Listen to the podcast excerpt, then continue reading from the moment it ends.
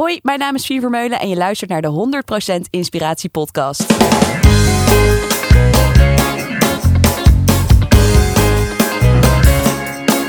Hey, wat goed dat je luistert. Hij staat weer voor je klaar.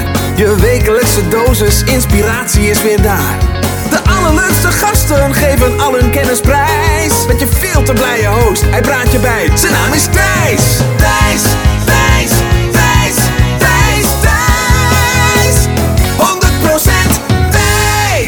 Welkom bij aflevering Intens 133 van de 100% Inspiratie Podcast.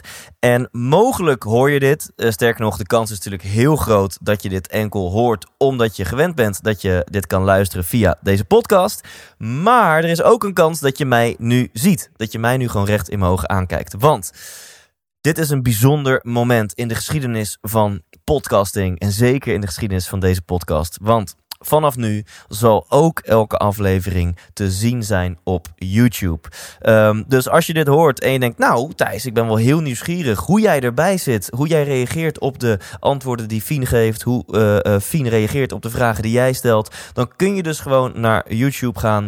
Eh, je kunt ook gewoon je inbox in de gaten houden, dan mail ik jou een linkje. En dan kun je deze aflevering, maar sowieso vanaf nu, kun je gewoon elke aflevering van deze podcast ook zien. Ik moet eerlijk toegeven, het is nog wel audio first. Dus ik heb goede audio-kwaliteit. Qua video is het nog even een GoPro die ik neerzet.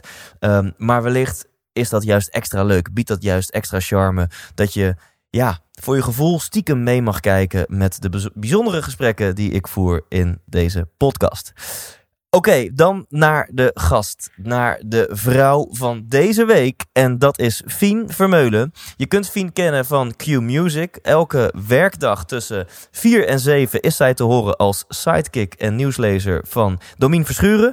Ehm, je kunt haar ook kennen van de AD Ochtendshow To Go. Dat is een online ochtendshow. En dan kan je denken, nou, online ochtendshow, dat zal wel meevallen dan met kijkers. Nou, er kijken dus zo'n 6 à 700.000 mensen per keer naar. En ja, totdat Late Night nog bestond. Toen Late Night nog bestond, deed Fien elke maandagavond een item. eh, de week van Fien. En wat wel toevallig is, de dag dat wij deze podcast opnamen, was de dag dat bekend werd dat Late Night ging stoppen. Dus de, de, ja, zeg maar de avond na dit interview heeft Fien voor het laatste daar aan tafel gezeten om haar item de week van Fien te doen. Oké, en dan over dit interview. Fien, haar leven kent hoge pieken en diepe dalen. Dus we hebben het zowel over het succes in haar carrière, of laat ik zeggen, ehm, hoe zij met haar passie, eh, eh, hoe zij van haar passie haar werk heeft gemaakt. We het zo zeggen, dat klinkt veel mooier.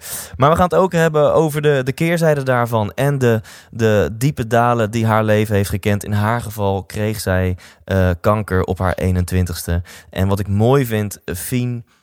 ehm, ik vind het fantastisch hoe zij open durft te zijn. Ik vind dat echt getuigen van ballen. Dat zij gewoon durft om er hart open te gooien. Om open en kwetsbaar te zijn in dit interview. Ehm, en daarover gesproken, mocht je nu nieuwsgierig zijn naar Thijs. Wat is nou hetgeen wat jou het meest heeft geraakt van dit interview? Eh, check dan even ikwilgeluk.nl. Want dan sta je op mijn mailinglijst. En dan mail ik jou elk weekend ehm, met het grootste inzicht of wat mij het meest heeft geraakt in de aflevering van die week. Als je dat leuk vindt om te ontvangen, ga dan naar ikwilgeluk.nl. Daar download je gratis mijn e-book en dan sta je meteen ook op de lijst om elke week een mailtje of elk weekend een mailtje van mij te ontvangen.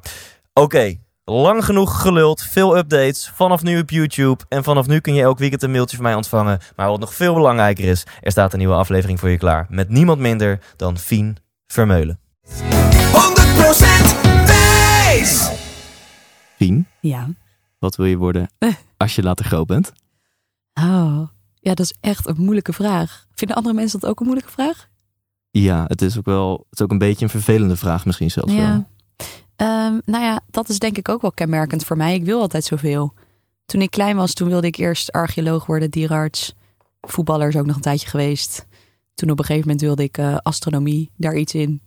Eh, zanger natuurlijk, model. Het is allemaal voorbij gekomen. Maar ik wist al wel vrij snel dat ik toen echt het jeugdjournaal wilde presenteren. Dat was altijd wel iets wat een beetje boven bleef komen. En, en schrijver. Ehm, maar eigenlijk de laatste jaren, hoe raar het ook klinkt, omdat ik dan nu eindelijk werk waar ik heel graag wilde werken in die hele wereld, ehm, denk ik dat ik wel heel duidelijk heb gemerkt dat dit niet mijn eindpunt is in de zin van de mediawereld. Ik denk dat ik daar eigenlijk gewoon nog een paar jaar heel hard in moet knallen en er heel erg van moet gaan leren genieten en dan echt iets heel anders moet gaan doen. Wat het is, weet ik nog niet helemaal. Ik heb altijd de droom gehad om dan nog dokter te worden. Ehm, maar dat wordt wel een beetje een lastige wedstrijd. Maar ik sluit eigenlijk niet uit dat ik nog voor iets heel anders ga studeren. Wauw. Dus het zou zo kunnen zijn dat jij binnen nu en vijf jaar een keer het roer volledig omgooit. Ja, en, denk ik eigenlijk ehm, wel. Dat Ja. je zegt, eh, bedankt radiowereld, bedankt televisiewereld. Ja, vijf is misschien nog wat kort. Ik denk misschien eerder tien, om heel eerlijk te zijn. Maar Ja. ik wil echt wel iets anders gaan doen. Dit, is, niet, eh, dit is niet waar ik ga, waar ik op mijn vijftigste nog steeds eh, werk. Nee, denk En- ik niet. Zou je dan denk je de, de aandacht missen? Ja, ja, heel eerlijk, ja. Ja, ja absoluut. Omdat, ehm, en dat is dus precies ook waarom ik er heel graag uit wil. Omdat ik wel merk bij mezelf, aandacht is een beetje een gek woord. Want het klinkt heel snel heel negatief, vind Aha. ik. Terwijl ik het dat ook niet altijd vind. Maar ik denk dat ik soms gewoon nog niet helemaal klaar ben om helemaal op mezelf te vertrouwen en daar helemaal achter te staan. En dat het dus best fijn is dat als je in de media werkt, je heel veel terugkrijgt in die zin. Mensen reageren heel veel op wat je doet en geven Ja. je dan heel veel terug op bepaalde stukken van je persoonlijkheid die je laat zien. En ik denk dat ik daar nu nog heel goed op vaar, omdat ik het nog niet altijd zelf durf te zien dat zoiets zo is. Dus dat het af en toe best fijn is als iemand dan tegen je zegt: hey, wat had je een leuk idee bedacht? Of wat, Ja, wat ja. klinkt je lekker vrolijk? Ehm, maar de andere kant daarvan is dat je jezelf ook heel erg realiseert, maar dat is eigenlijk helemaal niet alles. En dat is precies waarom ik denk dat als ik dat stuk niet onder controle kan krijgen, dat dit niet mijn eindpunt qua werk moet zijn. Dus je bedoelt, stel dat je voor de rest van je leven eh, voor je gevoel afhankelijk bent of het nog heel erg Ja, nodig hebt, dat, je de erkenning en dingen waardering van, krijgt. inderdaad, als ik dat niet uit mezelf kan halen, dan denk ik Ja. echt dat het beter is als ik mezelf zou uitdagen om iets heel anders te gaan Ja. doen. Omdat ik vind dat ik dan ook moet leren dat je die erkenning en waardering uit jezelf kan halen, maar ook uit een ander werkveld. En dat begin ik wel steeds meer in te zien. Want ik doe naast media natuurlijk ook allemaal andere dingen. Ehm, bijvoorbeeld voor KWF ben ik ambassadeur. Nou, dat vind ik niet echt mediawerk. Dat is gewoon echt met mensen en dingen Ja. doen eh, ja, die daar goed voor zijn. En ehm, ja, dan merk je wel dat je dat dus helemaal niet hebt en dat het ook niet hoeft. Maar toch, ja, ik weet niet. Ik vind gewoon niet dat ik klaar ben met leren daarin. Dus dan Ja, denk ja. ik, ja, dan vind ik soms dat je jezelf gewoon bewust in een andere situatie moet zetten. Voor mijn gevoel zegt het heel veel over hoe je hoe kritisch je naar jezelf kijkt. En in mijn ogen in een positieve zin. Dat je ehm, voor hetzelfde geld heb je niet dit niveau van zelfreflectie. En dende je door op die achtbaan. En die heet mediawereld, Mhm. BN'er zijn, aandacht krijgen. Ehm, en jij bent je heel erg bewust van, van nou, het is super tof, ik geniet ervan. Maar je bent ook een beetje streng voor jezelf. Dat je denkt, nou Fien, het zou mooi zijn als, je, als het je ook ooit lukt Ja. om het helemaal uit jezelf te Om halen. dat zelf te doen, inderdaad. En, en wat ik er heel erg aan zou gaan missen, maar dat zou je natuurlijk ook kunnen vinden in ander werk. En daarom is dokter denk ik helemaal niet zo'n hele gekke keus. Dat ik de interactie met mensen heel leuk vind. Ik vind het heel leuk, ook aan mijn werk nu, dat je echt een gesprek aan kan gaan met mensen. En dat als je het ergens over hebt, mensen daarop reageren, dat je daar weer een reactie terug op kan geven. En dat er eigenlijk toch een soort van gesprek ontstaat. En dat je een impact hebt in het leven van een ander. En dat mensen dat op die manier ook weer bij jou hebben. Ja. En dat vind ik echt, dat vind ik heel leuk. En ik denk dat dat voor een arts bijvoorbeeld precies hetzelfde Ja. zou zijn. Dus het zouden voor mij nooit kantoorbanen worden, bijvoorbeeld. Ja, want als je zou moeten kiezen, Ja. Als je nu je glazen bol erbij pakt, over Ja. tien jaar, enig idee welke richting het op zou kunnen gaan? Enig idee wat jij dan zou kunnen doen? Nou, eh, dokter, nogmaals, vind ik een heel mooi streven. Maar ik besef me ook dat ik dan ongeveer nu zou moeten gaan beginnen aan eh, mijn Ja. studies. En dan moet ik nog wat vakken inhalen, zoals wiskunde en zo. Ehm, dus als ik het serieus zou moeten bedenken, dan denk ik dat het iets zou worden in. ehm, ja. Marketing of events. En dan meer gericht op reclames of het organiseren van, eh, eh, van events. Omdat Ja. ik hier ook eh, vanuit dit werk natuurlijk ook gezien heb hoe reclame werkt vanuit ons naar de luisteraar toe. Dus ik denk dat dat best wel leuk zou kunnen zijn, omdat je hier ook heel goed leert om heel creatief te denken en om daar een realistisch idee van te maken, maar ook Ja. om helemaal uit de bocht te vliegen en je ziet wat de uitwerking is. Ik denk dat dat wel heel goed zou kunnen werken en ik denk ook dat ik dat heel leuk zou vinden. Ehm, of echt organiseren, maar dan echt van grote dingen, omdat ik dat gewoon heel leuk vind om te doen. Dus dan zou het misschien nog wel in, het, in deze sector kunnen zijn, Ja. maar dan achter de schermen. Ja, Ja. misschien wel. Ja. En ik denk wat je nu doet, presenteren ehm, op de radio, met je hoofd op tv, is best wel alfa. Terwijl dokter is best wel beta, is Ja. gewoon stampen. Ja, klopt. Eh, zie jij jezelf meer als alfa of als beta? Oh, dat vind ik echt moeilijk. Ehm, oh, dat is echt moeilijk. Ik denk dat ik mijn hele leven alfa ben geweest. Ehm, echt al vanaf heel klein. Ehm, maar dat, dat is dus ook heel erg hoe ik ben. Dat als ik dan op een gegeven moment detecteer dat ik ben als... Weet je wel, zoiets van... Oké, ik vind mezelf van alfa. Dat ik dan denk, ja, maar ik zou ook wel iets anders kunnen doen. Ja. Dus dan denk ik, nou, toch maar niet. En het is natuurlijk niet eh, helemaal uit het niets gekomen dat jij nu doet wat je nu doet. Nee. En voordat mensen die luisteren of die kijken denken van... oh, dat doet Fien voor de aandacht. Dat is natuurlijk totaal niet het Nee, geval. Nee, dat is zeker niet. Eh, dus een, een kleine Fien die had ineens als wens... ik wil het jeugdjournaal presenteren. Ja. ja, dat is eh, echt precies hoe het ging hoor. Ja, op welke leeftijd was dat? Ja, oh, ik was wel echt, echt jong. Ik zat op een Montessori basisschool en wij keken daar, eh, en ook thuis, drie programma's. En dat was dan het Jeugdjournaal en ehm, vooral eh, VPRO op zondagochtend. En Sesamstraat eigenlijk, dat was Ja. het. En ehm, ik vond het heel erg leuk. Dat, ik denk dat ik een jaar zeven was misschien of zo. Zes, zeven, zeven, acht. Nou, iets in die geest. En toen zag ik al dit hunker op een gegeven moment op televisie. En toen dacht ik, oh, wat is dat interessant. Omdat ik ook altijd op avontuur ging. Dan ging ik in de buurt en dan ging ik daar, weet ik veel, beestjes uit de struiken halen. En dan ging ik daar een heel journaal over schrijven. En dan ging ik dat aan iedereen vertellen. En dan had ik weer een of andere collectie van iets ontworpen. Dan moest iedereen dat weer zien. En nou, echt, ik heb van alles gedaan. En ehm, ik vond het zo leuk bij haar dat zij het elke avond, en dan ook elke avond over verschillende dingen had. En over hele verschillende onderwerpen. En dat alles wat zij vertelde, vond ik interessant. Bij alles wat zij zei, dacht ik, Ah, ja. maar dat wil ik ook weten. En hoe zit dat dan? En wat leuk dat jij dat zegt, want dat wil ik ook weten. En dat wist ik nog niet. En eerst vond ik dat heel leuk alleen, want dan begrijp je nog niet wat het grotere plaatje daarvan is. Tenminste, ik Ja. begreep dat niet. Ehm, maar toen ik wat ouder werd, toen dacht ik, ja, eigenlijk vind ik dat heel mooi. Omdat zij mij heel erg uitgedaagd heeft om gewoon, weet je wel, die, die wereldkennis te gaan verbreden. En Ja. toen dacht ik, ja, dat, als ik dat zou kunnen doen voor andere kinderen, dan zou ik dat echt heel erg vet vinden. En toen wist ik eigenlijk, ja, dan, dan wil ik dat dus gaan doen. En toen werd het van jeugdjournaal, werd ik toen wat ouder. Dus toen wilde ik NOS-journaal. En eh, ja, toen ben ik overal geweest. Oh, ik heb mezelf echt door de deur heen gelobbyd. Gewoon echt overal. Het was een beetje gênant. Ja, dus Ehm, jij, jij bleef niet stilzitten. Nee. Zoals ik een 16-jarige Fien had geïnterviewd, wat wil je worden als je later groot bent? Dan had je inmiddels waarschijnlijk gezegd het NOS-journaal, Ja. het Grote Mensenjournaal. Ja. En ehm, vervolgens liet jij die droom niet op jou afkomen. Jij ging Oh, nee. zelf... eh, Oh, nee. Vertel er eens wat over. Erop en erover Ja, ben ik erop gegaan. Nee, echt. Oh. Af en toe vind ik het nog gênant. Als ik er dan aan terugdenk. Dat ik dacht, oh, misschien dat je iets rustiger moet doen.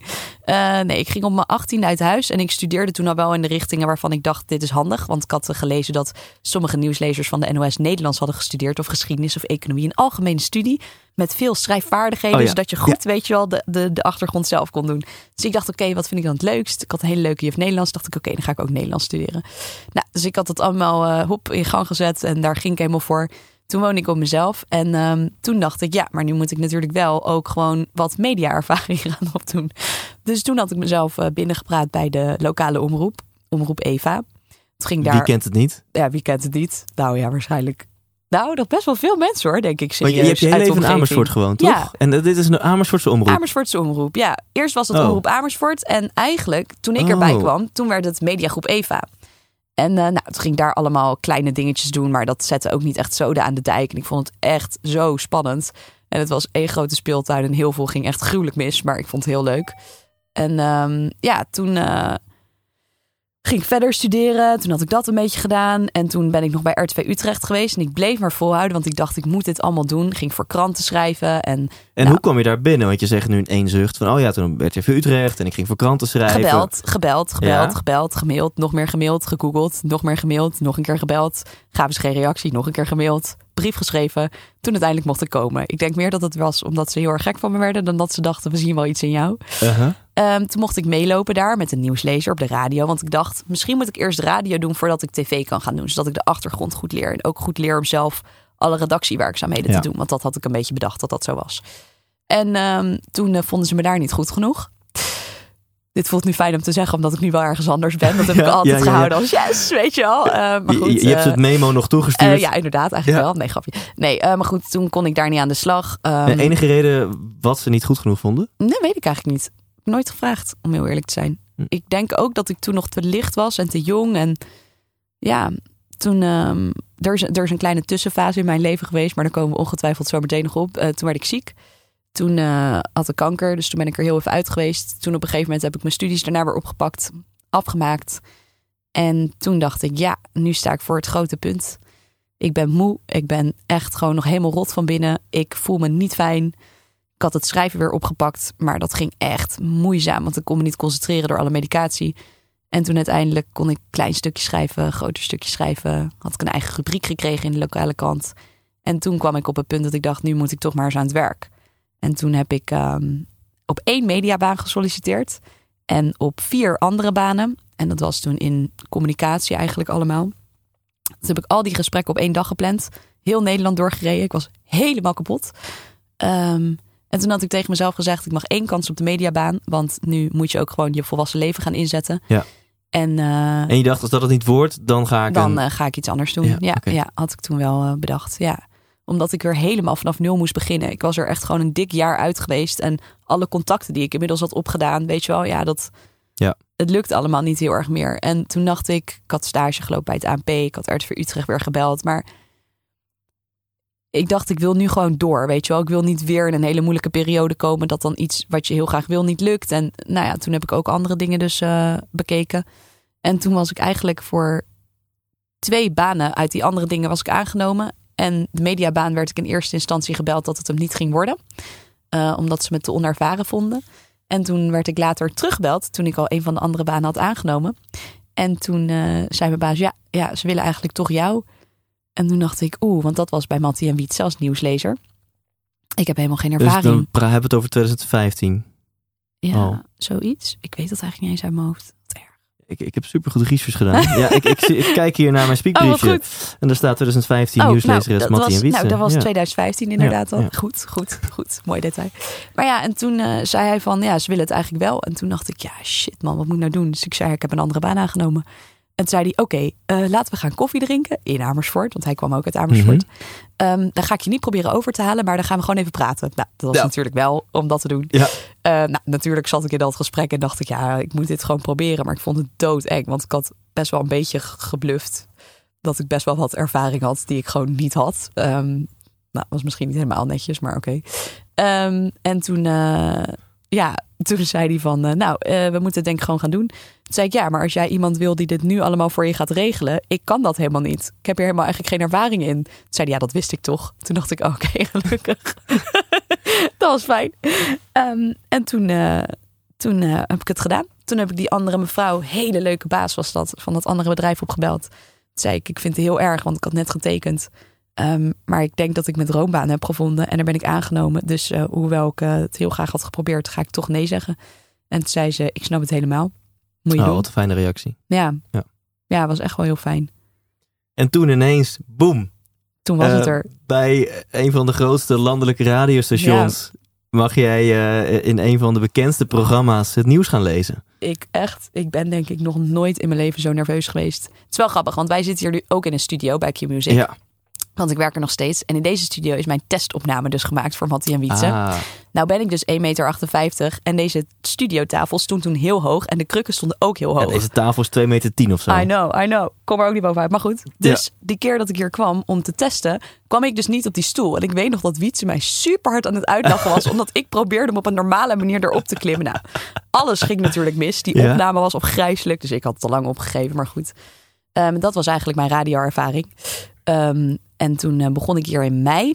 En toen had ik gezegd, ja, ik wil eerst nog heel veel meekijken. En eh, Is trouwens even tussendoor dat zo'n, zo hoe noem je dat, een test of een... eh, ja, een ja, in televisie zou dat een screentest zijn. Oh, ja. Maar In elk geval, wat het, want als ik zeg maar jou zie of hoor op de radio, dan is het super spontaan en heel losjes en speels.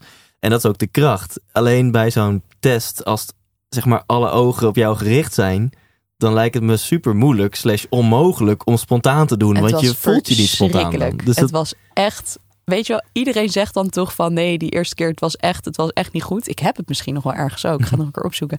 Het was echt afgrijselijk. Ja. Want zij gingen natuurlijk allemaal dingen uitproberen. Ehm, grappig gesprekje, hoe ik zou reageren als ze heel raar zouden gaan doen. Nou, ik heb me nog nooit zo ongemakkelijk gevoeld. En dat was waarmee ik toen uiteindelijk twee maanden achter de schermen meekeek. En mijn baas op een gegeven moment naar me toe kwam en zei: Ja, Fien, vandaag is de dag. We gaan het doen. Je gaat in de show. En ik dacht, maar ik ben er helemaal niet klaar voor. Ik kan, ik kan het helemaal niet. ik wil weg. Wat tof. Maar toen gebeurde het. En eh, toen ben ik er eigenlijk steeds wat meer ingegroeid. Maar in het begin, ik was zo verlegen. Ik was zo verlegen. Ik was natuurlijk net ook ziek geweest. Gewoon, dat was nog super kort erop. Ik was helemaal uit de maatschappij. Toen moest ik opeens weer terug. Ik weet nog dat mensen mij hier op kantoor omschreven als een bang hertje dat in de koplampen keek de hele dag door. Echt? Letterlijk. Ik praatte met niemand.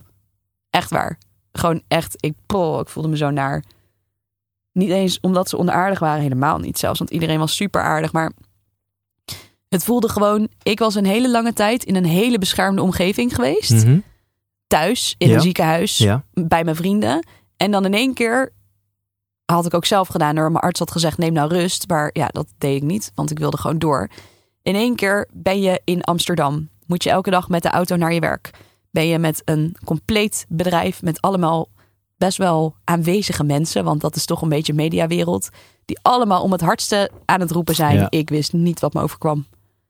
Ik, oh, ik voelde me zo ontzettend ongemakkelijk. En iedereen is zo aardig geweest. En uiteindelijk heeft dat me toen wel heel erg uit mijn schulp getrokken. Maar zo, dat was echt niet, eh, En kwam dat dan dat omdat niet je makkelijk. uit een hele beschermde omgeving kwam? Of, of zit dat nog steeds wel een beetje in Fien, dat als ik jou nu in een nieuwe context plaats, dat ik ook in eerste instantie een hele kat uit de boom kijk Fien zie. En dat je later pas... Nou, ik, ja, eigenlijk wel. Alleen dat zien mensen denk ik niet heel snel. Omdat ik mezelf daar wel allemaal, weet je wel, maskeringstrucs voor heb geleerd. Ja. Dus bijvoorbeeld, ik vind het heel naar om in een zaal van mensen te lopen waar ik niemand ken. Eh, vergaderzaal of weet ik veel, een meeting of wat dan ook. Dus dan ga ik van tevoren heel hard tegen mezelf zeggen in mijn hoofd: Oké, je loopt naar binnen. En dan loop ik net wat te hard naar binnen. Dan zeg ik net hard: Hallo, weet je wel. En dan merkt niemand al. Maar ik vind dat best wel naar. Maar ik heb wel. Het is wel beter geworden. Het is echt wel beter geworden. Maar het is nog steeds. Nee, ik ben best wel echt op mezelf. Ja. Daar ben ik ook gaan boksen. Toen, der tijd. Om minder voor, op jezelf te zijn? Ja, dacht ik moet mensen dichterbij laten komen, Ah, fysiek, letterlijk. Ja, ja. Ik moet er doorheen. Want ik was zo bang. En toen dacht ik, dit is niet zo, dit is niet zo goed. Ik denk niet dat het helpt. Ik denk dat ik meer fysiek contact met andere mensen moet hebben oprecht. En ook wel mentaal kunnen zien dat je fysiek tegen een stootje kan. Ja. En dat heeft toen wel heel erg geholpen. Ja. Omdat je op een heel ander level met mensen praat en interacteert. En dat vond ik toen heel fijn. Dat heeft wel echt ook wel geholpen, mede met dat werken. Ja.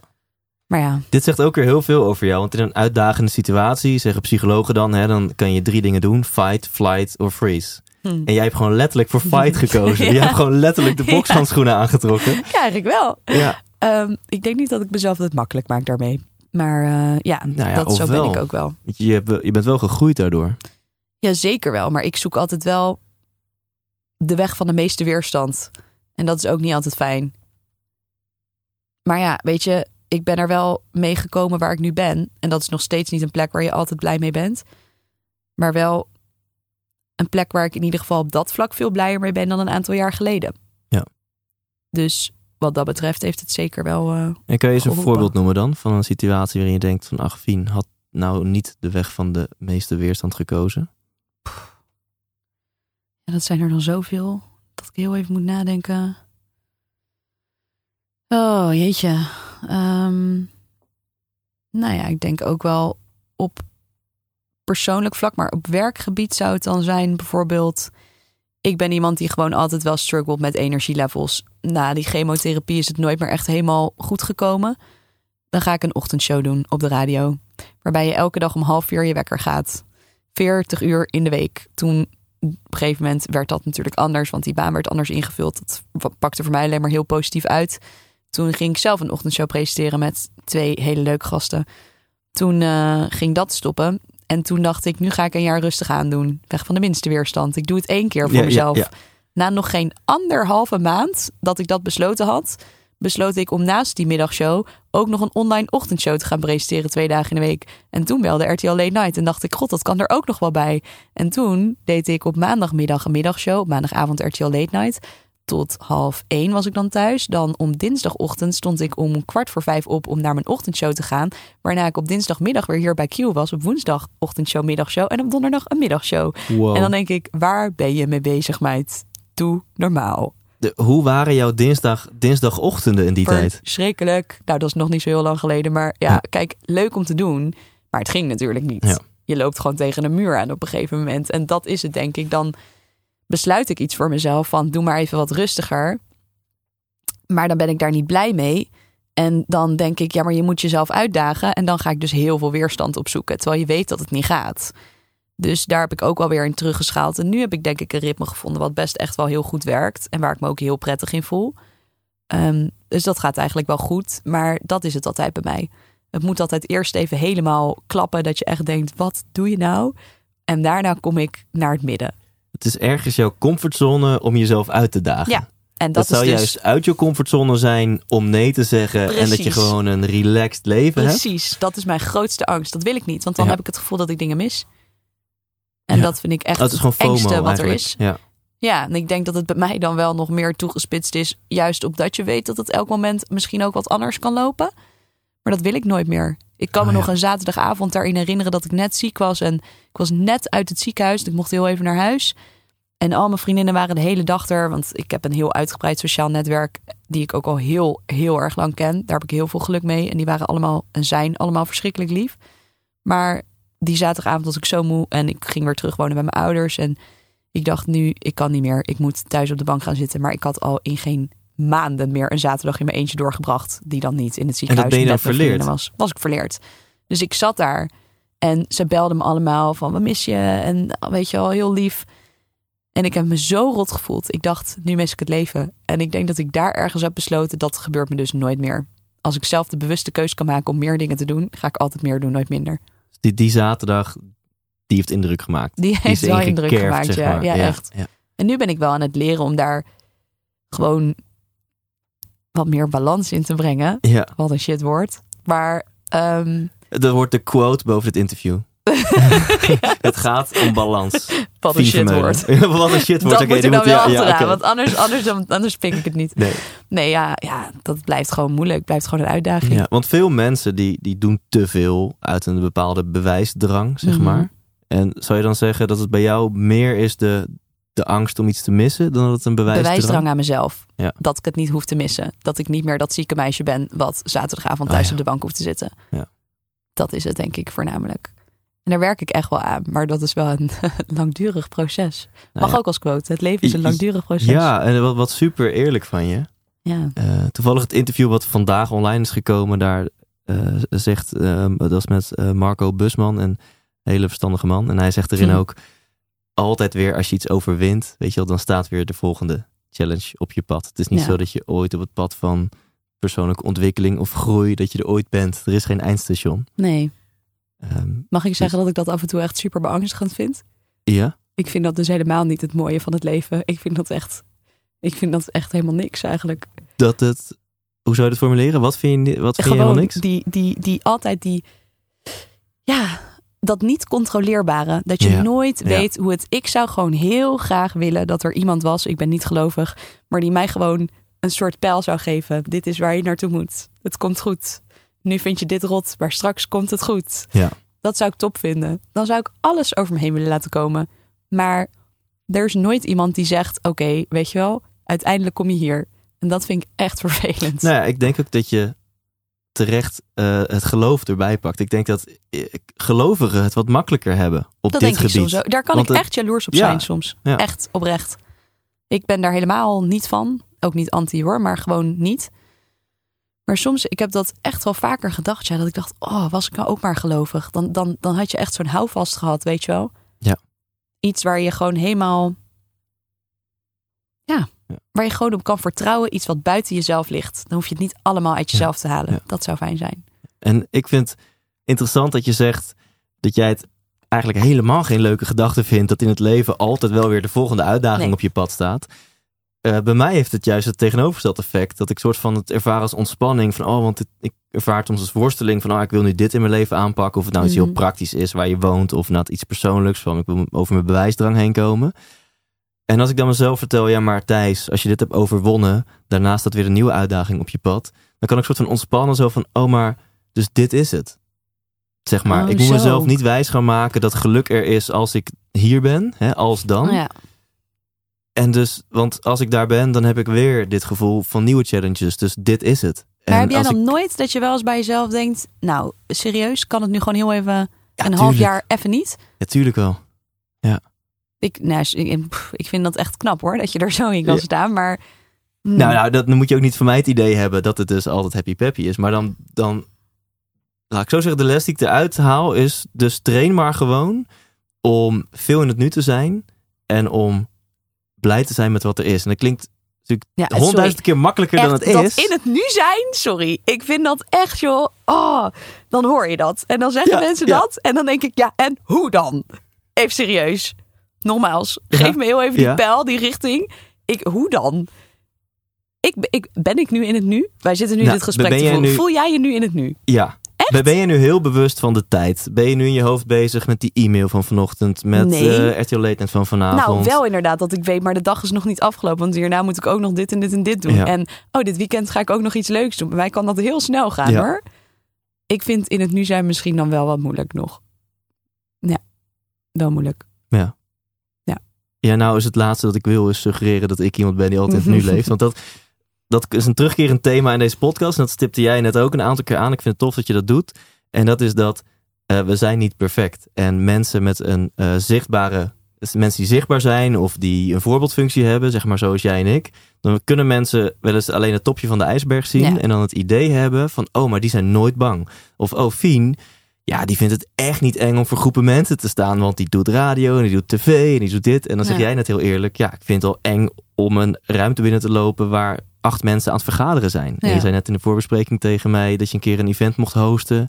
En dat je dan alle kleuren scheidt. Ja, echt verschrikkelijk. Ja, en sorry, weet je wat ik me net opeens realiseer? Dat ik tegen jou zei van dat ik niet weet of ik mijn hele leven hier echt in wil werken. Of dat ik eigenlijk op dit moment juist denk dat dat niet zo is. Ik denk dat dit daar ook een onderdeel van is. Dat ik soms dat verantwoordelijkheidsgevoel wat daarbij komt. Namelijk dat je ook constant, vind ik, moet blijven laten zien. Maar dit is niet alles. Ik heb ook dingen. Ik vind dat dus echt heel zwaar. Ik vind dat echt, ik vind dat niet altijd leuk. Ik krijg gelukkig alleen maar vaak echt hele lieve reacties en ook heel veel. En dat echt meen serieus, dat doet me dus super goed. Maar soms vind ik het ook wel eens moeilijk, omdat je dan inderdaad echt de berichtjes krijgt van mensen: oh, met jou gaat alles zo goed, of je ziet er zo gelukkig uit. Wat heb je toch een leuk leven? Wat heb je allemaal leuke vriendinnen? Wat heb je leuke familie? En dat is ook allemaal zo, maar dat is natuurlijk niet alles wat het is. Ja. En ik vind soms die verantwoordelijkheid dat je wel moet blijven zorgen dat het ook realistisch is, Mhm. vind ik best wel zwaar. Want waar houdt het dan op? Bijvoorbeeld mijn Instagram is ook gewoon een onderdeel van mijn werk. Ja. Vergis je niet. Ja.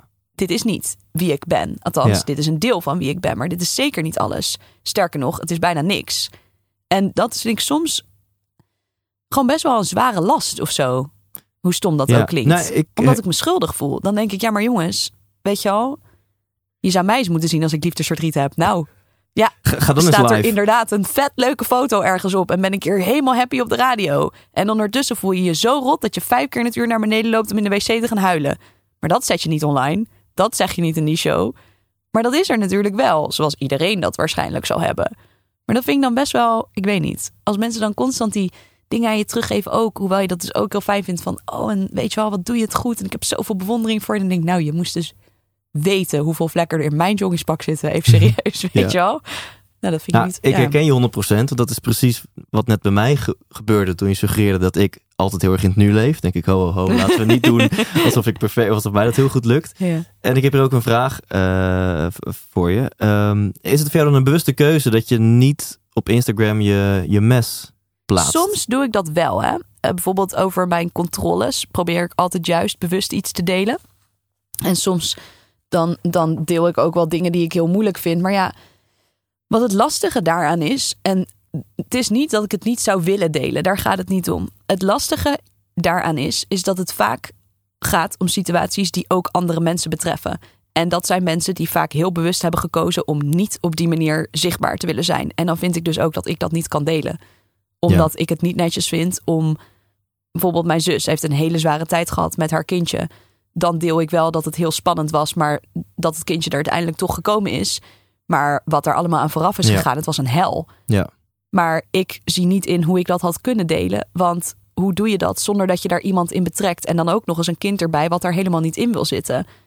Stel, ik heb ruzie met een vriendin. Natuurlijk gebeurt dat af en toe. Ik heb echt, echt Maken mensen ruzie met jou? bizar.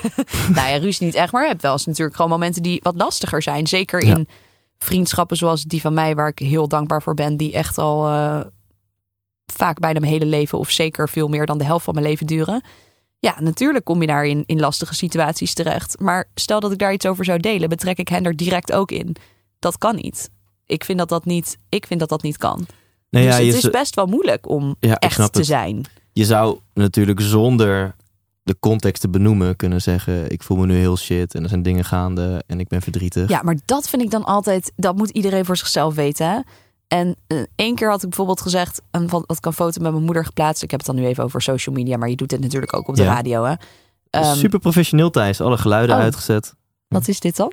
Er kwam een agenda-herinnering van interview met Fien. Oh, maar je bent dan wel echt in het nu. Weet je wel, Ja, dat is dan weer de andere kant. Oh, dat is echt goed. Ehm, nee, maar ja, op de radio doe je dat eigenlijk nog veel meer. Daar ben je veel echter, vind ik, dan op social media. Ik denk dat ik radio bijna één op één wel ben. Mhm. Maar toen had ik gezegd, ik mis mijn moeder heel erg. Ehm, en dat vind ik dan nog akkoord, omdat dat wel een, een afgebakende situatie is. Namelijk, eh, je voelt je niet fijn en je zegt heel duidelijk waarom dat zo is. Maar soms zie ik wel eens berichtjes van bekende mensen of andere mensen voorbij komen waar dan op staat... nou, ik voel me heel erg verdrietig vandaag en eh, wat een kutleven. Dan is het logisch dat mensen gaan vragen, maar wat is er dan? Ja. Ja. En ik vind dat dan, dat vind ik dan ook weer niet eerlijk. Tuurlijk voel ik me wel eens rot. Maar Ja. als ik niet wil vertellen waarom ik me rot voel, dan hoef ik ook niet te vertellen dat ik me rot voel. Want wat moet je anders met die info? Ja. Dan, dan is het ook weer je shit delen om je shit te delen. Ja. En dat is dan ook weer een beetje dan gek. inspireer je er toch ook niet echt. Nee. Nou ja, ja, ja. Oké, misschien inspireer je dan wel door gewoon te zeggen: ik voel me niet fijn. Maar nou ja, je snapt wat ik bedoel. Ik vind dat niet. Dat voelt niet als een Nou, het kan in elk geval voor mensen heel geruststellend zijn als ze horen van, oh, dus ook is met- eigenlijk ook gewoon met- helemaal gestoord. nee. Ja. Helemaal Oh, lekker. zij is ook gestoord. Oh, ja, nee, oh, dus met Fien gaat het ook niet altijd helemaal goed. Nee, natuurlijk niet. En dat is natuurlijk wel. super, nee, dat is super logisch, maar dat kan wel Ja. soms ontstaan. Maar dat, ja, en je geeft dus aan, dat vind je een, een van de mindere kanten van deze Ja. job. Ja, dat zeker. eh, mensen het idee hebben dat het altijd maar goed met je gaat. Ja. Zeker. Ja. Ja. En dat is natuurlijk ook wat je zelf doet. Maar ook omdat ik niet echt zie hoe ik dat per se heel erg anders zou moeten doen. Ja, en je bent natuurlijk ook, En je bent ergens ook in de zin van een informatievoorziener slash entertainer. Ja. Dus waar past daarin? Weet je wel? Ja. Life coach, struggle, bekendmaker. ja, je verander Ja. je Insta-profiel naar life coach Ja. Fien en ga vanaf dat moment al je shit delen. Nou, helemaal in het nu. Nee, sorry.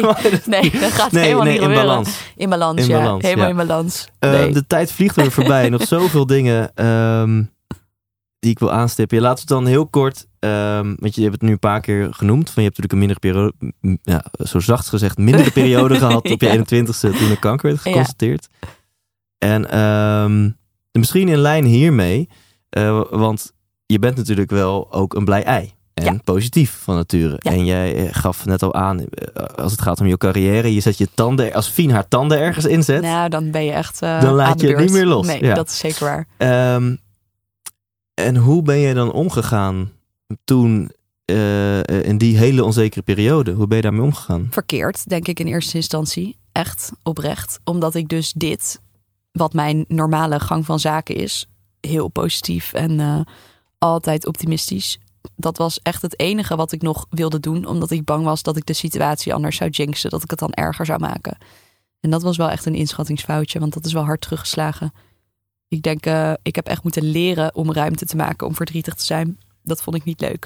Ik vind het nog steeds niet fijn. Ik wil me niet naar voelen. Dan ga ik afleiding zoeken of andere dingen doen. Of tegen mezelf vertellen dat het allemaal wel goed gaat. En eh, ik denk dat ik dat toen ook heel erg had. Ik durfde gewoon niet negatief te zijn of te zeggen ik ben heel bang of ik ben verdrietig of ik heb pijn. Omdat ik gewoon bang was dat dat dan ook de waarheid zou worden als ik het hardop zou zeggen. Dus krop je dat op Ja. en ga je juist heel erg in het... Hallo, kom hier voor mijn chemo. Dat mensen me op een gegeven moment aankeken en zeiden... wat ben je nou aan het doen? Weet je Ja. wel, wat doe je nou? Ja. En eh, ja, dan haalt dat je op een gegeven moment wel even in. En ik denk dat dat echt een hele goede les was. Was het ergens ook niet een overlevingsmechanisme? Van hey, als je het maar lekker luchtig Zeker. houdt. Zeker. Echt, absoluut. Dus verkeerd, zoals ik net zei, is misschien niet het goede woord. Ehm, te negatief naar mezelf. Eh, het was een onhandige aanpak. Want het was er wel eentje die op dat moment werkte. Het heeft me ook gewoon door een heel grote periode heen gesleept. Alleen kwam ik erachter dat het niet echt een houdbare strategie was. Maar dat is natuurlijk iets anders. Ja, op de korte termijn heel effectief. Ja. En op de lange termijn was het dat zeker niet. Dus ik ben nu nog steeds wel bezig om daar dingen van te verwerken. Maar dat vind ik ook in die zin niet erg. Soms moeilijk, maar niet erg.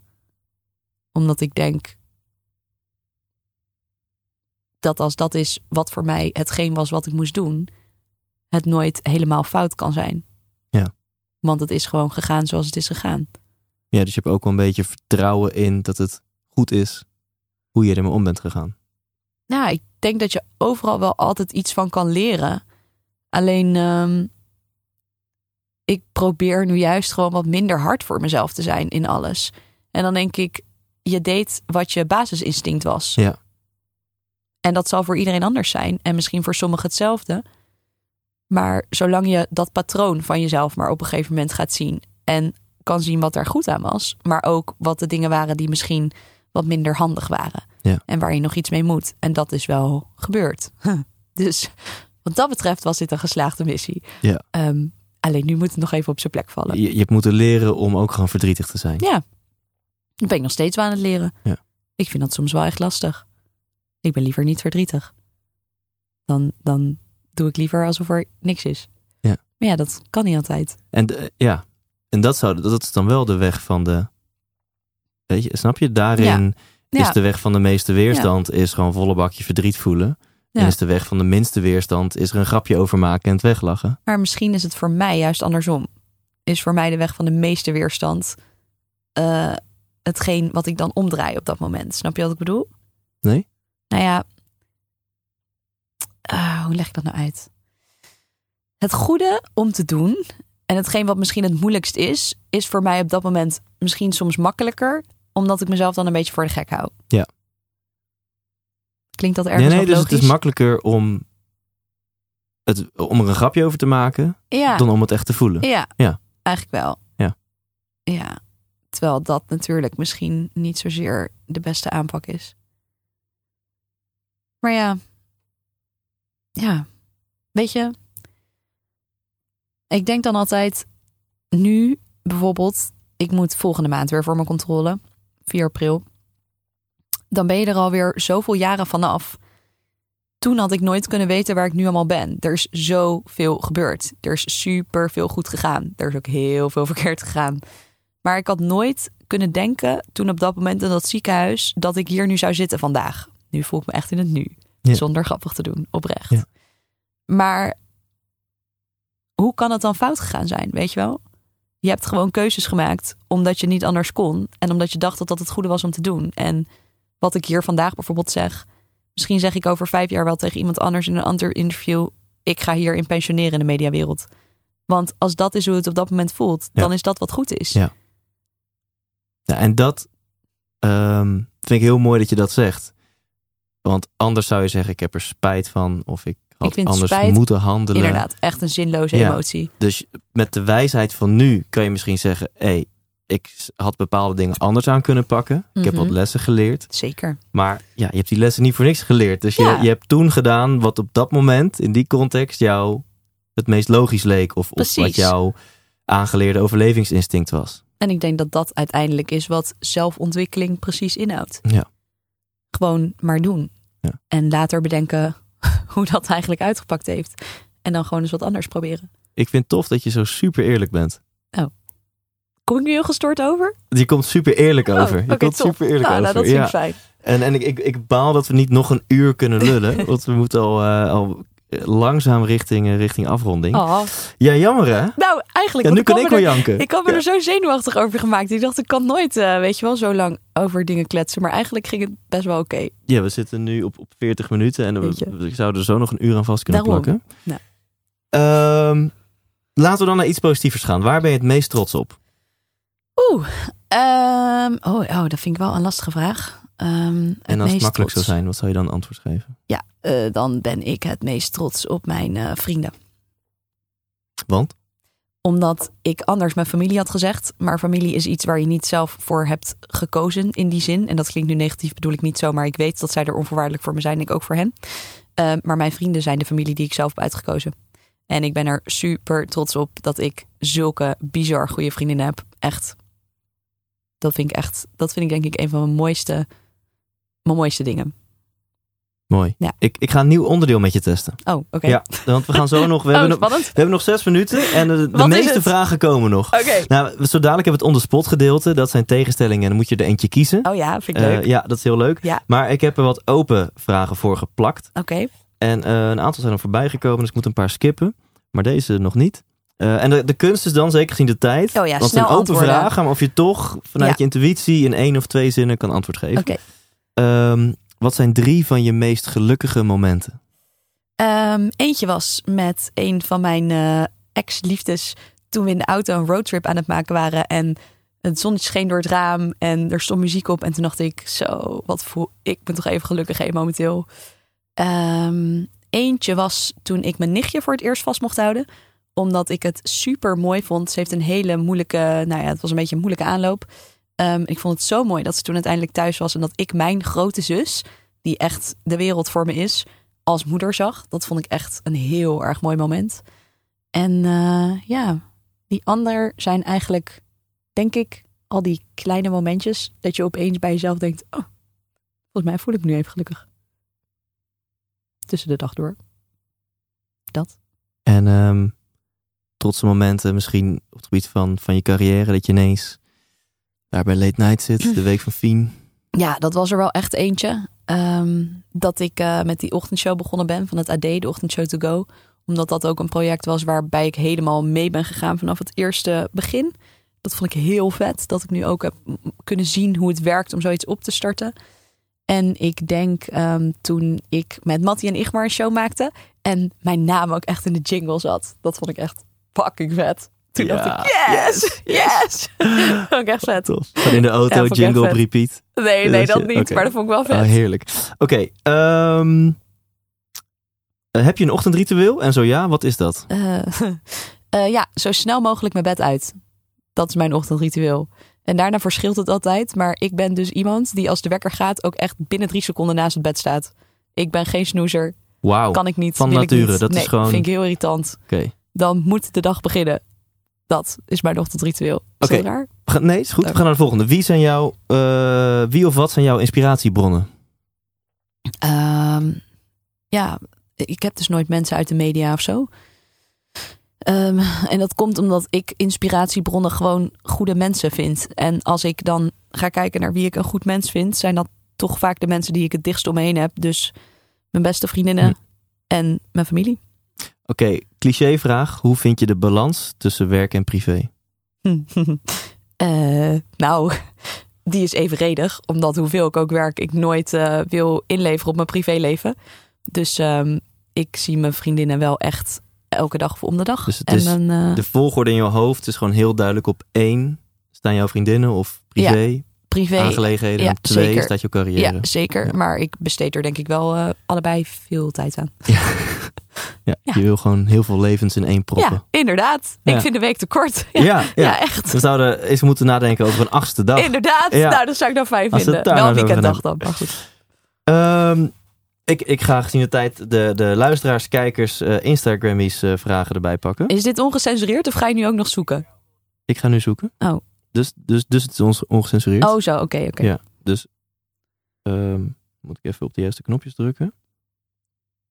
Eh, Dus ik zie ze nu ook voor het eerst. Ik heb ze niet eh, uitgekozen van tevoren. Ehm, Je bent gaan nu aan het ja, ja, ik ben nu wel, ja, want veel, veel gaan over wat we over hebben gehad. Van hoe ben je met je ziekte omgegaan Oh, ja. en heeft dat je belemmerd. Ehm, ja, dit vind ik ook weer zo'n zo'n zo'n story-achtige vraag. Iemand, eh, eh, Stephanie Meens zegt, hoe heb jij het hele Martin Wietse verhaal beleefd als vaste nieuwslezer? Nou ja, vind ik eigenlijk wel een goede Oh, cool, vraag hoor. cool. Zeker, vind ik een hele goede vraag. Ehm, so- sorry Stephanie, dit was echt een hele goede ja, vraag. nee, vind ik echt Tof hoor, je. Stephanie, dankjewel. Eh nou, ik vond het heel lastig, omdat ik, eh, zij waren mijn eerste twee echte grote mensencollega's. En zij hebben er echt voor gezorgd dat ik ook wel uit dat schulpje ben gekropen, eh, mede dankzij hun.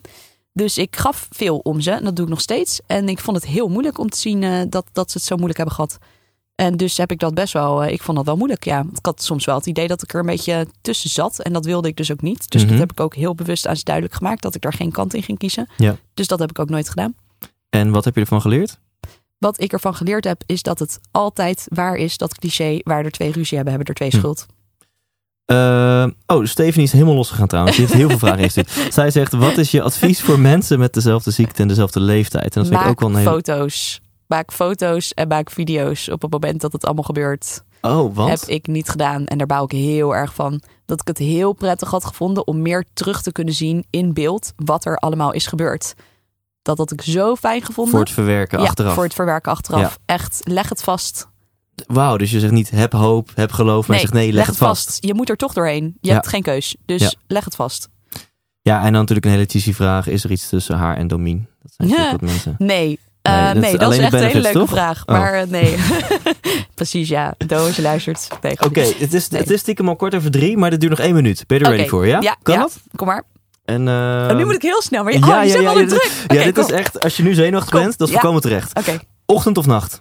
Ochtend. Bestuurder of passagier? Passagier. Ferrari of Tesla? Ferrari. Poetin of Trump? Oh, Trump. Groene smoothie of Engels ontbijt? Engels ontbijt. Maandagochtend yoga of vrijdagmiddagborrel? Vrijdagmiddag Naakt of pyjama? naakt. Gevoel of verstand?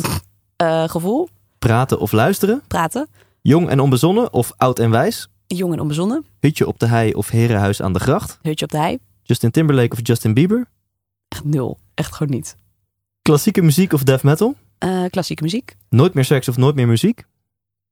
Nooit meer muziek. Was die moeilijk? nee, eigenlijk niet. Oh. Nee.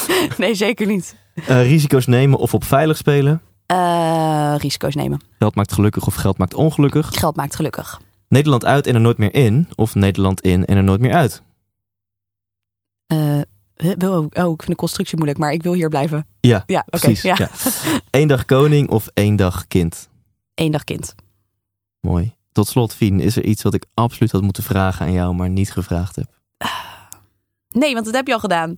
Dit is geen, eh, geen sluikreclame, maar ik zou het dus heel leuk vinden als ik naar je show mag komen kijken. Want ik vind jou ook best wel cool. Dus ehm, ik ben heel blij dat je dat hebt gevraagd. Zo tof? Zo tof? Nou, ik bijna helemaal leuk. verlegen. Oké, ik Oh. word officieel verlegen. Jee. Dankjewel. Nou, ik vond het heel tof. Hey, daar ben ik weer, zowel eh, in audio als in beeld. Mocht je het eh, alweer vergeten zijn, deze podcast is vanaf nu ook gewoon op YouTube te bekijken. Inclusief intro en outro. Allereerst, lieve, lieve Fien, ontzettend bedankt voor je tijd en voor ehm, je eerlijkheid in dit gesprek, in deze aflevering. Ehm, ben je nieuwsgierig naar wat mij het meest heeft geraakt? Check dan ikwilgeluk.nl. Je krijgt dan sowieso als bonus mijn e-book. En je staat dan op mijn mailinglijst. Wat inhoudt dat jij elk weekend van mij een mailtje ontvangt. En daarin vertel ik gewoon ehm, ja, heel kort. Wat heeft mij het meest geraakt? Of wat was het meest waardevolle inzicht voor mij uit deze aflevering? En dan ontvang je ook als eerste alle updates over bijvoorbeeld de 100% Inspiratie Show. En daarover gesproken, op 23 mei sluit ik mijn komende tour af in Houten. Eh Fien is daar lachend bij. Wil jij daar ook lachend bij zijn? Wees dan snel, want er zijn nog slechts 15 van de 300 kaarten beschikbaar. Dus het ziet er naar uit dat dit de eerste show gaat worden van deze tour die uitverkocht is. Ehm, dus wees er gewoon snel bij. Als je nog twijfelde, is dit het moment om je tickets te bestellen via thijslindhout.nl. En stay tuned, stay tuned. Dit had ik misschien even aan moeten kondigen, maar ehm, ik ga een hele hoop winnaars bekendmaken. Dus heb jij meegedaan met een van de winacties van afgelopen weken? Ja, blijf dan even luisteren, want wellicht ga ik jouw naam noemen en dan ben jij gewoon een gelukkige winnaar. Nou, waar heb ik het over? Vast in your seatbelts. Hier komen ze. Intens 120, Huub van Zwieten. Hij verloot zijn boek Het Merk Ik. En de winnaars daarvan zijn Harmon S. eh, en Armanda Smit. Als ik dat ja, aan de hand van het e-mailadres kan ik wel redelijk de achternamen raden. Dus Harmon S. en Armanda Smit, gefeliciteerd. Jullie ontvangen het boek Het Merk Ik van Huub van Zwieten. Dan Intens 123. Dat is de winactie met Sanne van Pasen. Ex-wielrenster en inmiddels eh, inspirator, coach, trainer. Zij geeft tickets weg voor haar workshop Zakelijk Winnen zonder privé te verliezen. Sanne, wat een waanzinnige titel. Zakelijk winnen zonder privé te verliezen. Dat is dus op 18 april in de middag. Winnaars daarvan zijn Jeffrey Scheltens en Guy Kumps. Gefeliciteerd. Dan Intens 124. De winactie met Wouter de Jong, auteur van het boek Mind Gym. Ehm, een waanzinnig boek, wat ik heel mooi vind. Even tussendoor, maar dit is gewoon leuk en inspirerend. Aan de binnenkant van de kaft uh, uh, staat de volgende zin. En ik doe hem even uit mijn hoofd. Maar daar staat... Als iets je niet bevalt, verander het dan. Als je iets niet kan veranderen, accepteer het dan. En train je geest om het verschil tussen die twee te zien. Wauw, dat vind ik in drie zinnen al misschien een goede samenvatting van het boek. Wil je dat hele boek? Nou, dan ben je in elk geval blij als jij uh, oma Corrie bent. Want oma Corrie heeft gewoon het gesigneerde boek van Wouter de Jong gewonnen. Net als Miranda uh, van den Berg en Marvin de Reuver. Gefeliciteerd oma Corrie, Miranda en Marvin. Gaan we naar Intens 125. De winactie met Niek van den Adel. Zijn boek Crash over uh, het life-changing moment uh, uit zijn leven toen hij een dwarslesie uh, opliep door een motorongeluk. Winnaars van zijn boek zijn Ginny Mulders of Ginny Mulders, um, Yin Wong en Elsa Ras. Dus Ginny, Jip en Elsa gefeliciteerd.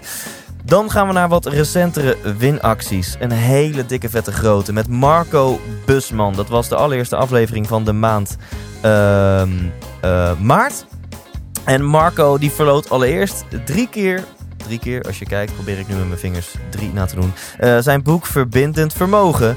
Uh, sowieso heel tof om hen te interviewen, want ik heb het heel vaak over connectie, over verbinding als een van de belangrijkste resultaten uit mijn zoektocht naar uh, geluk en succes. Uh, winnaars van zijn boek zijn Eveline van Everdingen, Jeroen van uh, GoPublic. Zijn achternaam zie ik even niet. En Marco van der Voort. Marco, Jeroen en Eveline. Jullie krijgen dus dat boek gesigneerd. Maar, vast in seatbelts, er is ook een hoofdprijs. Die hoofdprijs bestaat uit een coaching sessie. Een executive coaching sessie met Marco. Waarin je, nou, of het nu over je privéleven of je business of balans wat er ook speelt in jouw leven. Marco helpt jou verder. Zo'n sessie kost 500 euro. Uh, en ik doe er vier tickets bij voor de 100% Inspiratieshow. Dus een winactie van meer dan 600 euro. De grootste winactie die deze podcast ooit heeft gekend. En de winnaar daarvan is... Richelle van Loon. Richelle van Loon, gefeliciteerd. Deze hele dikke vette bonussen komen jouw kant op. En je kan gewoon een date met Marco in gaan plannen. En dan tot slot over een date gesproken. Timon Krause, onze mentalist. Uh, die bijzonder jong is en veel te wijze dingen zegt voor zijn leeftijd. Ik ben fan van hem en ik wil hem uh, vaker nog gaan ontmoeten. Um, en dat geldt ook, want je kon twee tickets plus een meet and greet winnen. Voor Loes Hoefnagels. Loes Hoefnagels, gefeliciteerd. Jij gaat gewoon Timon ontmoeten en wellicht hypnotiseert hij je wel uh, als je dat wil. En anders ook gewoon niet. Je gaat in elk geval een hand schudden met deze uh, bijzonder toffe, inspirerende jonge gast. Oeh, nou dat waren de winacties. Thanks Fien nogmaals voor deze aflevering. Uh, check ikwilgeluk.nl, dan ontvang je zaterdag van mijn e-mail met mijn grootste inzicht. Uh, check thijslindhout.nl voor de laatste tickets, onder andere van de show in Houten. En uh, check YouTube, want daar vind je voortaan alle afleveringen van de 100% Inspiratie Podcast. Tot volgende week, leef intens.